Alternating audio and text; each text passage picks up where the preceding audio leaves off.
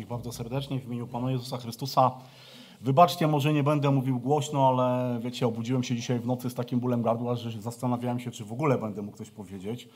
No ale dzięki Bogu jeszcze na razie mogę, więc nie przedłużając, otwórzmy sobie Psalm 23.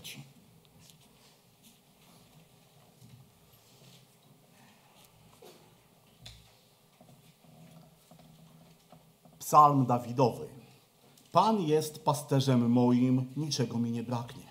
Na niwach zielonych pasie mnie, nad wody spokojne prowadzi mnie. Duszę moją pokrzepia, wiedzie mnie ścieżkami sprawiedliwości ze względu na imię swoje. Choćbym nawet szedł ciemną doliną, zła się nie ulęknę, boś Ty ze mną. Laska Twoja i kij Twój mnie pocieszają. Zastawiasz przede mną stół wobec nieprzyjaciół moich, namaszczasz oliwą głowę moją, kielich mój przelewa się. Dobroć i łaska towarzyszyć mi będą przez wszystkie dni życia mego i zamieszkam w domu Pana przez długie dni. Wiecie, wydaje mi się, i wydaje mi się, że mamy rację, że jest to chyba najbardziej znany psalm z całej Biblii. Podejrzewam, że gdybym podszedł teraz do Was i popatrzył na Wasze Biblię, to podejrzewam, że prawie każdy ma ten psalm jakoś zakreślony, podkreślony, oznaczony. No chyba, że ktoś ma nową Biblię, jeszcze nie zdążył. Ale generalnie tak jest. Jest to bardzo znany psalm, jest to... A słowa Pan jest pasterzem moim chyba są najbardziej znanymi słowami y, ze Starego Testamentu. Podejrzewam, że te słowa, ten werset, ten fragment jest w top 3 wszystkich biblijnych wersetów na całym świecie. Jeżeli byście nawet w wyszukiwarkę internetową wpisali znany werset biblijny, to wiecie, który wyskoczy? Jako jeden z pierwszych właśnie ten. Pan jest pasterzem moim. Wiecie, jest to psalm, który napisał król Dawid. I co możemy powiedzieć o tym psalmie, jeżeli chodzi o ten psalm Dawida, to Dawid wiedział, o czym pisze. Bo przez dużą część swojego życia Dawid, który później został królem, był kim? Był pasterzem. Więc jego codziennym zadaniem, codziennym zajęciem było to, że on wychodził z, ze swoimi owcami. Ale Dawid wiedział, o czym pisze jeszcze dla jednego powodu. Bo te słowa, Pan jest pasterzem moim, były czymś realnym i prawdziwym w jego codziennym życiu. Kiedy Dawid pisał, Pan jest pasterzem moim, to jego myśli, jego serce kierowało się do Boga bo on wiedział, jaki jest Bóg. Nie wiem, czy ktoś z Was miał czas, miał możliwość zerknąć do internetu i zobaczyć, jak dzisiejsze kazanie zostało zatytułowane.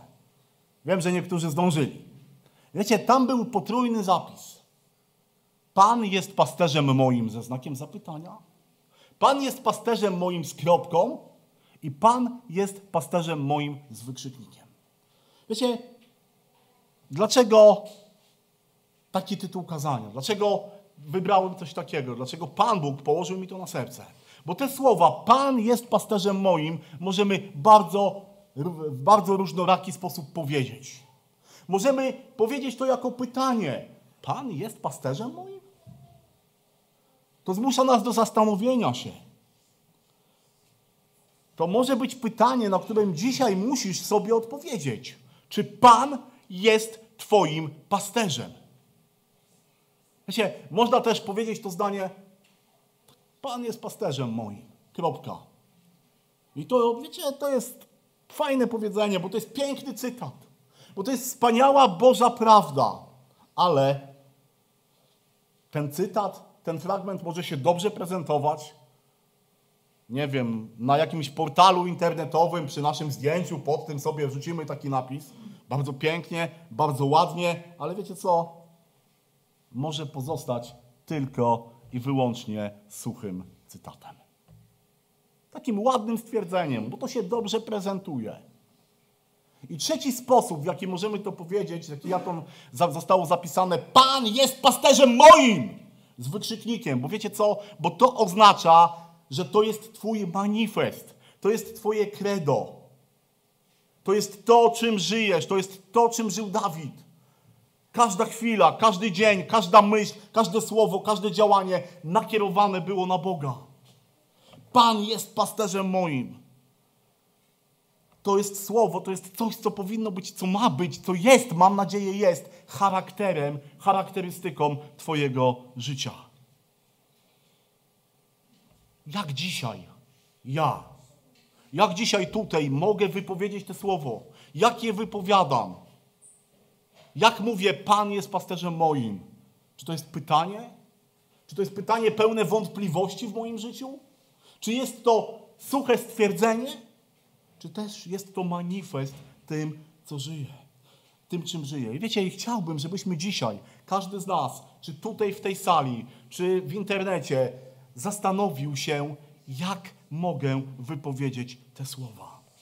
Ale aby móc wypowiedzieć te słowa z całą świadomością, to wiecie, musimy zastanowić się, co te słowa znaczą. Ten pierwszy werset tego, tego psalmu. Pan jest pasterzem moim. Wiecie, pierwszym słowem, na które chciałem zwrócić uwagę, to jest słowo Pan. W oryginale, w hebrajskim tekście, wiecie, jakie jest tu słowo użyte? Jahwe. J-H-W-H. Jahwe.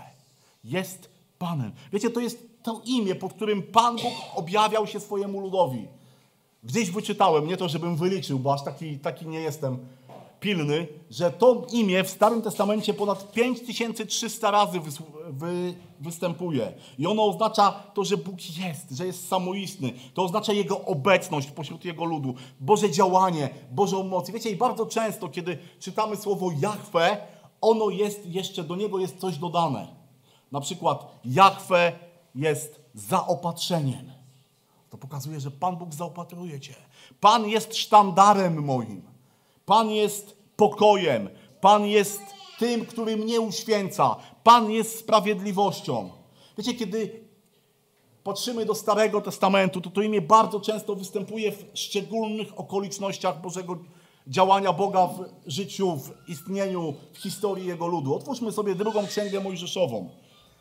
20 rozdział, drugi i trzeci werset. To jest dziesięć przykazań, to jest dekalog. Kiedy Pan Bóg nadaje prawo dla swojego ludu, to On mówi co? Jam jest Pan. Ja jestem Jahwe. Twój, Bóg Twój, który Cię wyprowadził z ziemi egipskiej, z domu niewoli. Nie będziesz miał innych bogów obok mnie. Ja Pan, ja Jahwe jestem. Wiecie, kiedy popatrzymy sobie o, na historię Izraela, kiedy wspomnimy sobie niewolę w Egipcie, to wiecie, możemy powiedzieć, że tam Boży lud miał naprawdę ciężką sytuację. Tam Izrael miał ciężką sytuację. Uciskani przez faraona, zmuszani do niewolniczej pracy, cierpiący, uciskani, bez szans, totalnie bez szans na pomoc kogokolwiek. Nikt nie potrafiłby wyrwać ich ludzką mocą z tej niewoli. I wiecie, i kiedy wydaje się, że ta sytuacja jest taka beznadziejna, to nagle pojawia się Bóg. On przychodzi do Mojżesza i mówi: Ty wrócisz i nie, ty wyprowadzisz ten naród, ale ja go wyprowadzę. Ja zamieszkam wśród tego narodu. Ja uczynię z was mój lud. Ja wam dam to, nad czym się nie trudziliście. Ja wam dam to, co wam się nie należy. Ja was wezmę, wyrwę, wyprowadzę, uczynię wielkim narodem. Ja Pan, ja tego dokonam. I wiecie co? To nie były tylko deklaracje wyborcze. Jakiś czas temu mieliśmy wybory w naszym kraju, tak? Było bardzo, bardzo dużo deklaracji. I teraz my czekamy na to, co z tych deklaracji, to, co z tego, co obiecali, wypełnią. No tak, ja się tak patrzę na was i tak widzę, że tak za dużo się nie spodziewacie. Szczerze powiem, ja chyba też. Ale kiedy Pan Bóg mówi, że coś obieca, to to jest prawda. Pan Bóg powiedział, ja to zrobię. I Pan Bóg wyrwał ich z tej niewoli. Ale wiecie co? Niewola egipska jest dla mnie zawsze takim przykładem innej niewoli. Bo to, że oni byli uciskani w Egipcie, że byli niewolnikami, to pokazuje mi, że Boże Słowo mówi o innej, cięższej niewoli. I ta niewola dotyczy każdego człowieka. Wiecie o jakiej niewoli mówię? Jeżeli sobie otworzymy Ewangelię Jana, ósmy rozdział i trzydziesty czwarty werset. To Jezus tam mówi do ludzi, do Żydów, ale myśl też do każdego człowieka takie słowo.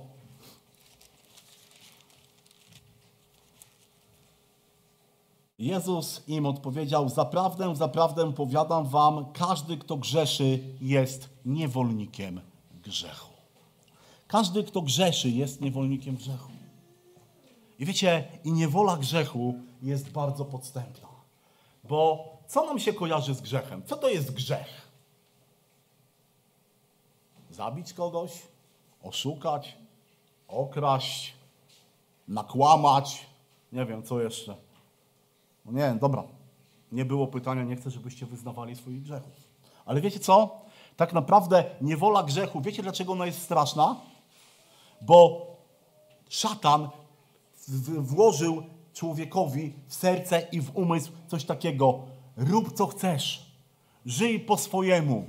Bylebyś tylko, jeszcze niektórzy mówią, bylebyś tylko nikomu krzywdy nie zrobił. To możesz żyć jak chcesz. Możesz wierzyć w co chcesz. Możesz mieć orientację jaką chcesz. Możesz mieć poglądy jakie chcesz.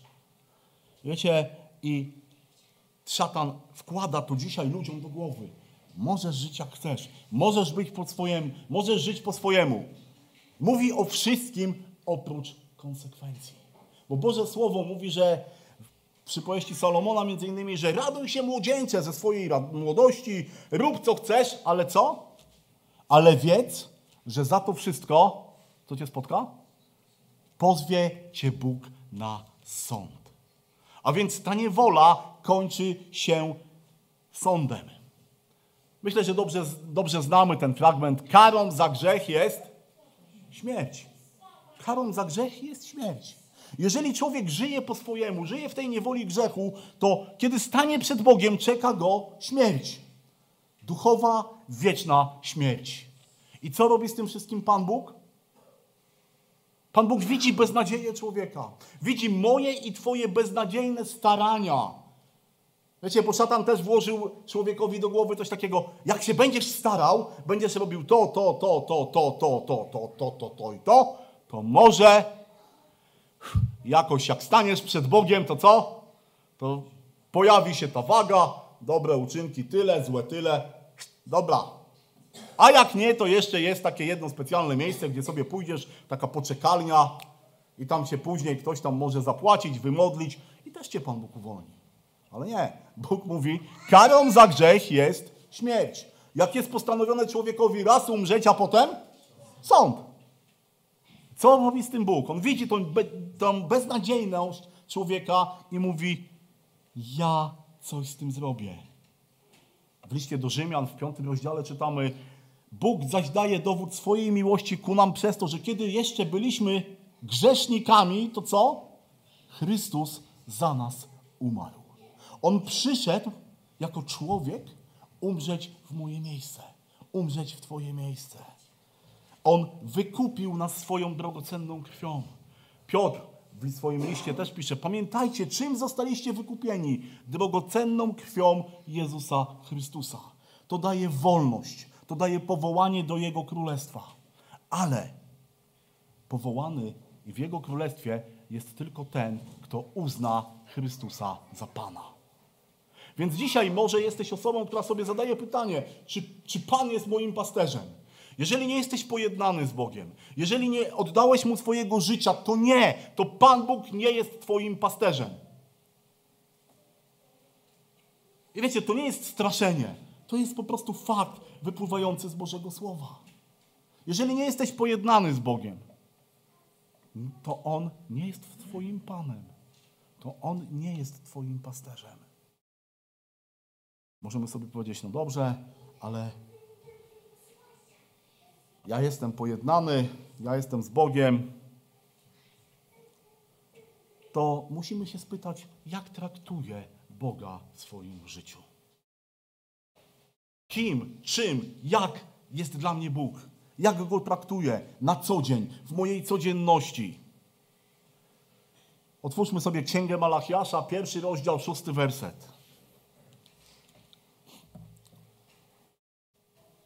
Tam Pan Bóg odpo- mówi do swojego ludu: Syn czci ojca, a sługa swojego pana.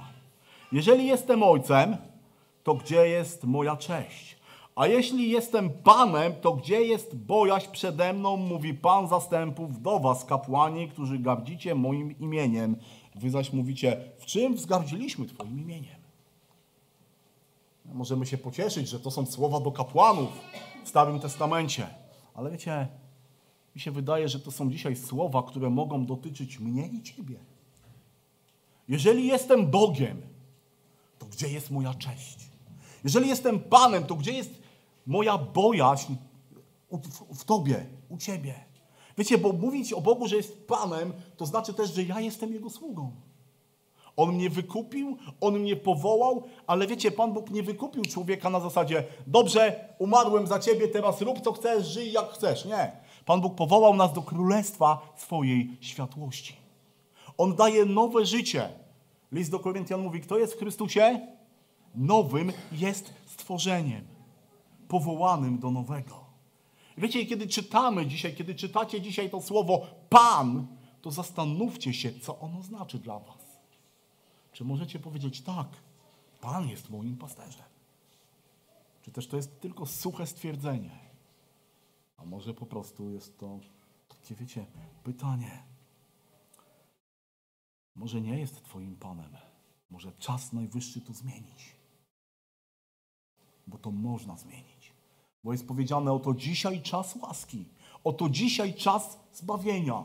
Każdy, kto przychodzi do Boga, zostaje uwolniony i Chrystus staje się jego Panem. Więc jeżeli dzisiaj czytasz te słowa, Pan jest pasterzem moim, to zadaj sobie to pytanie, czy to jest realność i rzeczywistość w Twoim życiu, że masz tego Pana i jakie są Twoje relacje z Nim. Drugie słowo, na którym które tutaj używa Dawid, to jest słowo jest. Pan jest. Wiecie, to jest takie słowo, które też wyraża pewną myśl. Bo Bóg jest wszechobecny. To jest jeden z Jego atrybutów, którego ja osobiście nie mogę pojąć. I myślę, że nie ma żadnego człowieka, który pojmie, co to znaczy wszechobecność. I to nie oznacza to, że Pan Bóg jest, wiecie, jeden kawałek Pana Boga jest w Australii, drugi w Polsce, trzeci gdziekolwiek indziej. Nie, to jest taki atrybut, że po prostu cała Jego istota znajduje się w każdym, miejscu, w, w każdym miejscu. Psalm, też psalm Dawida, psalm 139, werset 7 i 8, to Dawid pisze tam coś takiego. Dokąd ujdę przed duchem Twoim i dokąd przed obliczem Twoim ucieknę? Jeśli wstąpię do nieba, to co? To Ty tam jesteś. A jeżeli przygotuję sobie posłanie w krainie umarłych, i tam jesteś. I ten psalm pokazuje właśnie tą wszechobecność Boga. Bóg jest wszędzie. I to słowo też oznacza Jego obecność przy nas, ale tylko wtedy, kiedy jesteśmy Jego dziećmi. W liście do Koryntian mamy to, to takie piękne słowo, trzeci rozdział, szesnasty werset. Czy nie wiecie, że świątynią Bożą jesteście i co? I Duch Boży i Bóg mieszka w Was. I znowu możemy sobie zadać pytanie, czy to jest pusty slogan, czy to jest prawda, że Bóg mieszka mnie? Czy widać to, że On we mnie jest? W Ewangelii Mateusza, sam, sama, sama końcówka tej Ewangelii, kiedy Jezus wysyła swoich uczniów, to co On do nich mówi? Oto ja, co? Ja was posyłam i będę patrzył, co robicie. Nie, Pan Jezus mówi, oto posyłam was i ja jestem z wami po wszystkie dni, aż do skończenia świata. Życie chrześcijanina, moje, Twoje życie jest, powinno być życiem, stałym życiem w Bożej obecności. Czy zdajesz sobie sprawę, że Pan Bóg cały czas jest obecny w Twoim życiu? Jest przy Tobie. Jest? Znowu, to może być pytanie, czy On jest? Czasem wiele rzeczy się dzieje takich, które nam się nie podobają. Są próby, są doświadczenia i wtedy możemy z, wy, z wyrzutem powiedzieć, czy ty jesteś? Bo może nie mamy, wydaje nam się, że nie mamy na kogo liczyć. Wydaje się, że nie mamy nikogo, kto, kto jest przy mnie. Ale wiecie, bardzo często te momenty prób, te momenty upadków nie są wynikiem tego, że Pan Bóg o nas zapomniał, ale że my pewne rzeczy w swoim życiu wybraliśmy, dokonaliśmy. Kilka przykładów mam tutaj z Bożego Słowa.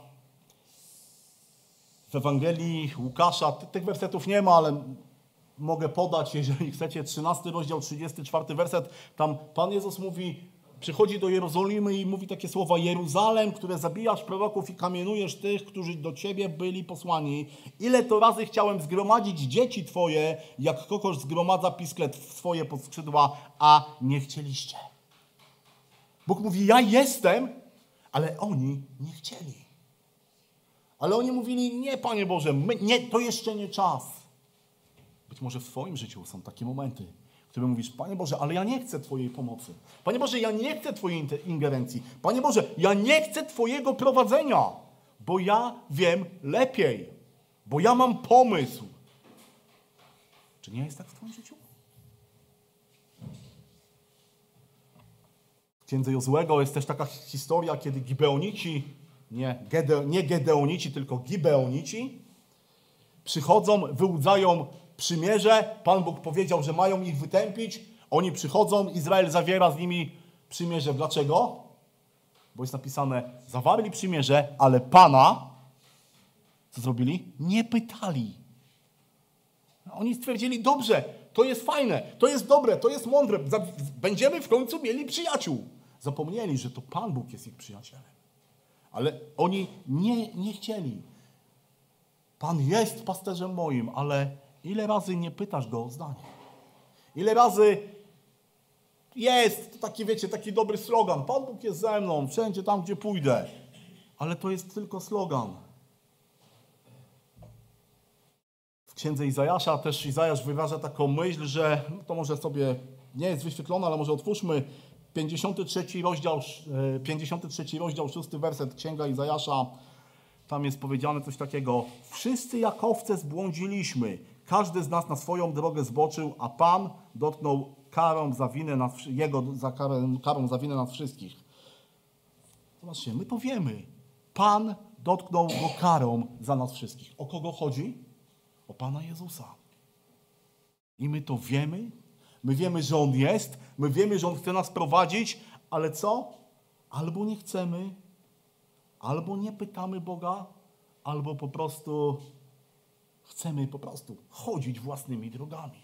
Wiecie, chcemy, żeby Pan Bóg to był to, to mówię, taka wiecie, takie, taki ratunek, jak już sobie sami nie dajemy rady, to co? Wystawiamy Pana Boga, zakładamy ręce i mówimy, to teraz zrób porządek. Ale to, że nim powstał ten chaos w naszym życiu, to Boga nie pytaliśmy o te rzeczy, o Jego wolę, o Jego prowadzenie, zaniedbaliśmy czytanie Bożego Słowa, to nie nasza wina. Tylko, Panie, jest chaos i Ty teraz sobie, sobie radź. Pan jest pasterzem moim. Pan jest. I pytanie znowu, czy faktycznie jest? Jeżeli nie pojednałeś się z Bogiem, to Go nie ma. To On jest wszechobecny, On na Ciebie patrzy, On o Ciebie dba, ale On nie jest Panem Twojego życia. A jeżeli mówisz, Pan, że jest, to czy to widać? Czy Twoje decyzje, myśli, działania są podjęte po konsultacji z Panem Bogiem. to są takie, czasem się wydaje, są takie sprawy, że ja nie muszę nic konsultować. Zawsze musisz westchnąć do Boga. Zawsze. W najprostszych sprawach zacznij od tego, żeby to powierzyć Bogu. Bo czasem nam się wydaje, że o Panie Boże, Ty masz tyle na głowie, że ja Ci nie będę zawracał głowy takim, takim małym problemem. Ale wiecie, że mały problem niepowierzony Bogu staje się bardzo, bardzo wielkim problemem w naszym życiu. Pan jest. I tutaj Izajasz też już zaczyna mówić o owcach. No i trzecie słowo, które jest w tym, w tym pierwszym y, wersecie psalmu, jest Pan jest pasterzem. I wiecie co, I zanim zaczniemy mówić o pasterzu, to musimy sobie powiedzieć coś o owcach. Owce, myślę, że każdy wie, jak wygląda owca, tak? Takie fajne, małe, milutkie, białe zwierzątko, ale kiedy, wiecie, Biblia bardzo dużo mówi o owcach. Mówi zaskakująco wiele o owcach i bardzo często porównuje owce, wiecie z kim? Z człowiekiem. I powiem wam, że to porównanie jest niepochlebne, ale nie dla owiec, ale dla nas. Bo owce w Izraelu były szczególnie liczne. To, to były, wiecie, to były wielkie stada. Te stada liczyły po kilkaset sztuk, a może nawet więcej. Przez większość roku one wędrowały przez, z pasterzami w poszukiwaniu pokarmu. Dlaczego był potrzebny pasterz? Bo owca sama w sobie jest bezbronna. Wiecie, chyba nie ma zwierzęcia tak bezbronnego jak owca. Ani pazurów, ani wyglądu. Nie są takie zwierzęta, że czasem one, wiecie, potrafią zrobić wygląd, że wyglądają groźnie. A owca ani wyglądu, ani jakiejś prezencji. Wiecie, owca ma jeszcze jedną zdolność. Owca ma niesamowitą zdolność do tego, żeby się gubić. Owca y, jest po prostu takim zwierzęciem, które gdy tylko opuści głowę i podniesie je i nie widzi pasterza, to już w tym momencie ta owca zaczyna się gubić. Gdzieś czytałem właśnie taką historię ostatnio o pasterzach w Izraelu, że te owce, po prostu pasterz musiał mieć, wiecie, oczy dookoła głowy, bo te owce tak bardzo odchodziły, tak bardzo się rozłaziły. Pamiętajmy, to były wielkie, wielkie stada i owce są bezbronne i bezradne bez pasterza. I Dawid mówi: Pan jest pasterzem moim. I otwórzmy sobie Ewangelię Jana, dziesiąty rozdział i przeczytajmy pierwsze 12 wersetów. Myślę, że to jest chyba taki najbardziej dokładny opis owiec w Nowym Testamencie. Zaprawdę, zaprawdę powiadam wam, kto, kto nie wchodzi przez drzwi do owczarni, lecz w inny sposób się tam dostaje, ten jest złodziejem i zbójcą. Kto zaś wchodzi przez drzwi, jest pasterzem owiec. Temu odźwierny otwiera i owce słuchają jego głosu i po imieniu woła owce swoje i wyprowadza je. Gdy wszystkie swoje wypuści, idzie przed nimi, owce zaś idą za nim, gdyż znają jego głos. Za obcym natomiast nie pójdą, lecz uciekną od niego, ponieważ nie znają głos, głosu obcych. Tę przypowieść powiedział im Jezus, lecz oni nie rozumieli tego, co im mówi. Wtedy Jezus znowu powiedział: Zaprawdę, zaprawdę powiadam wam, ja jestem drzwiami dla owiec. Wszyscy, ilu przede mną przyszło, to złodzieje i zbójcy, lecz owce nie słuchały ich. Ja jestem drzwiami. Jeśli kto przeze mnie, przeze mnie wejdzie, zbawiony będzie i wejdzie i wyjdzie i pastwisko znajdzie. Złodziej przychodzi tylko po to, by kraść, zarzynać i wytracać. Ja przyszedłem, aby miały życie i obfitowały. Ja jestem dobry pasterz. Dobry pasterz życie swoje kładzie za owce. Najemnik, który nie jest pasterzem, do którego owce nie należą, widząc wilka nadchodzącego, porzuca owce i ucieka, a wilk porywa je i rozprasza. I ten fragment bardzo dużo mówi o owcach, ale tak naprawdę bardzo dużo mówi o mnie i o tobie. Ten fragment bardzo dużo mówi o pasterzu, ale tak naprawdę mówi o Jezusie Chrystusie, który jest, który powinien być Twoim pasterzem. Ten pasterz jest dobry. Zobaczcie, Jezus jest tym pasterzem, który swoje życie oddał za owce. On nie jest najemnikiem. On nie był tym, który prowadził ludzi do pewnego momentu, a potem uciekł i zostawił ich samych. Nie. On był tym, który doprowadził swoje stado do samego końca, do krzyża. On jest dobry pasterz, który oddał swoje życie za mnie i za ciebie. I dalej widzimy, że Jezus mówi, że chce, żeby jego owce miały obfite życie, żeby obfitowały. Ale wiecie, co znaczy obfite życie? Zamykamy oczy, już widzimy te dolary na koncie, te Mercedesy w garażach, te wille. Nie, to nie jest obfitość. Bogactwo może być błogosławieństwem. Niektórym Pan Bóg daje, innym nie, nie dlatego, że ich nie lubi, ale dlatego, że Pan Bóg wie, co jest dobre dla Jego dzieci. Dlaczego nie obdarzył mnie bogactwem? Takim, wiecie, na koncie, ponieważ dobrze wiesz, żebym sobie z nim nie poradził. Chyba też Dawid albo inny z psalmistów mówi, Panie, nie obdasz mnie bogactwem, abym co? Abym nie zaparł się Ciebie i też nie obdasz mnie ubóstwem, abym nie musiał kraść i zapierać się Ciebie. Pan Bóg daje tej owcom to, co jest dla nich potrzebne. Wiecie, pasterz, który prowadził swoje owce, on je prowadził do miejsc, w których mogły jeść to, co dla nich było najlepsze. I Pan Bóg też mówi: Ja chcę, żeby owce miały życie i obfitowały. I Pan Bóg chce mojego i Twojego obfitego życia w nim, duchowego bogactwa, tego kielicha, który się przelewa. Przelewa się kielich Twojej społeczności z Bogiem, Twojej radości z przebywania w nim, z Nim, Twojego posłuszeństwa dla Jego słowa. A, jak, a jaką owcą jestem? Mam pasterza, ale czy faktycznie to jest mój pasterz? Czy idę za tym pasterzem? Czy może idę za jakimś najemnikiem? Wiecie, dzisiaj w kościele mamy wielu nauczycieli, wielu sławnych ludzi, wielu wspaniałych, cudownych kaznodziei i tak dalej, i tak. Ale wiecie, przez całą historię Kościoła bardzo często pokazało się, że ci wspaniali, ci tacy charyzmatyczni, ci mężni są tylko najemnikami. Oni po to przyszli do owczarni, żeby zabijać i kraść. Jezus taki nie jest. Jezus jest pasterzem, który prowadzi. Można sobie dziś zadać pytanie, za kim ja dzisiaj chcę iść? Za kim ja idę? Czy kiedy opuszczam, tak jak owca, kiedy opuszczała głowę i podnosiła, to ona szukała swojego pasterza, żeby go widzieć? Czy moje życie tak wygląda, że cokolwiek robię, kiedy się budzę, od razu szukam tego, żeby iść za Chrystusem? Czy idę za najemnikiem?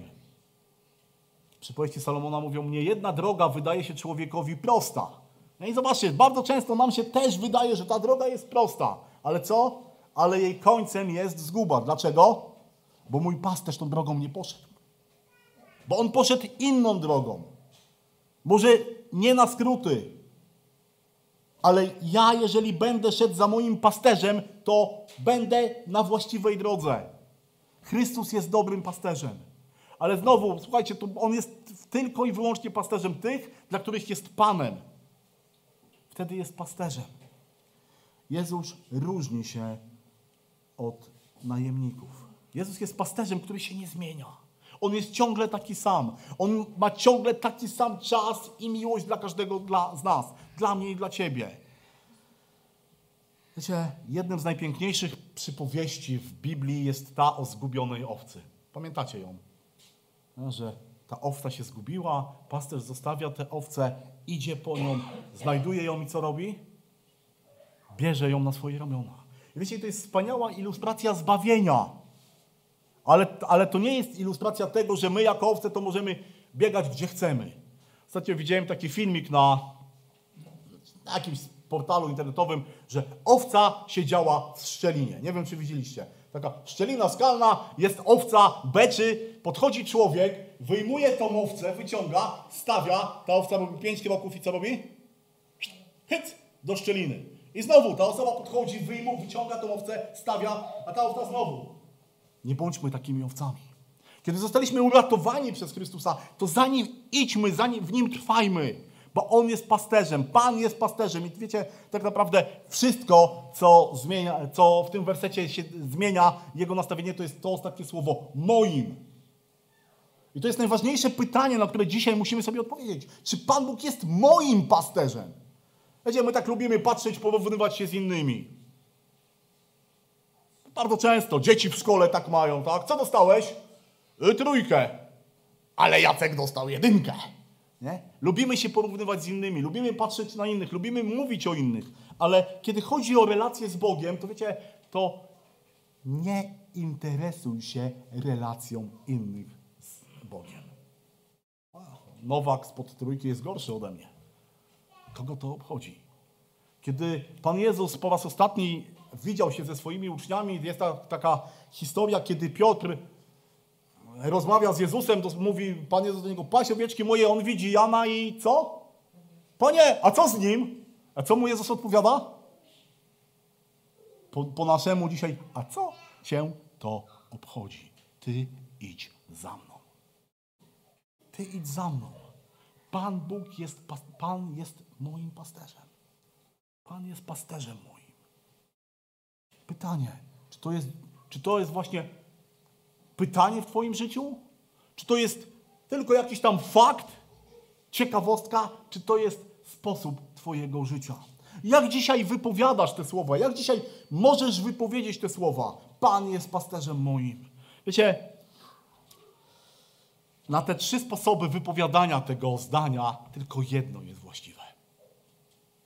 Kiedy te słowa są czymś, czym żyjesz w swoim życiu. A wiecie, jak można przetestować te słowa, co jest prawdą? Wiecie, kiedy patrzymy do tego psalmu, kiedy czytamy pierwszy werset, to tam czytamy właśnie te słowa: Pan jest pasterzem moim. Ale druga część mówi co? Niczego mi nie braknie. Wiecie, stwierdziłem, że to jest dobry test. Odpowiedz sobie na to pytanie, czy brakuje ci czegoś w życiu? Czy więcej dziękczynienia jest w twoim życiu, czy narzekania? Bo jeżeli narzekasz, jeżeli więcej jest narzekania, to to słowo Pan jest pasterzem moim niekoniecznie musi być z wykrzyknikiem w Twoim Dzisiaj wielu ludzi mówi: Pan jest pasterzem moim, Pan jest pasterzem moim. I nic z tego nie wynika. Jeszcze na koniec jeden werset chciałem, jednym wersetem chciałem się podzielić. Drugi list do Tymoteusza, trzeci rozdział.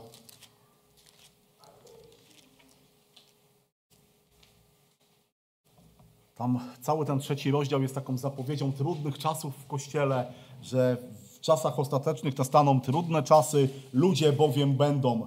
Może ja przeczytam cały ten fragment.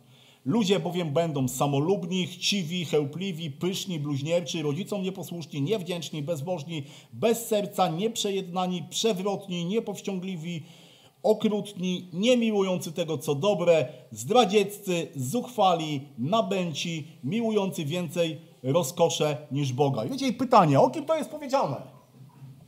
O ludziach z tego świata? Nie tylko.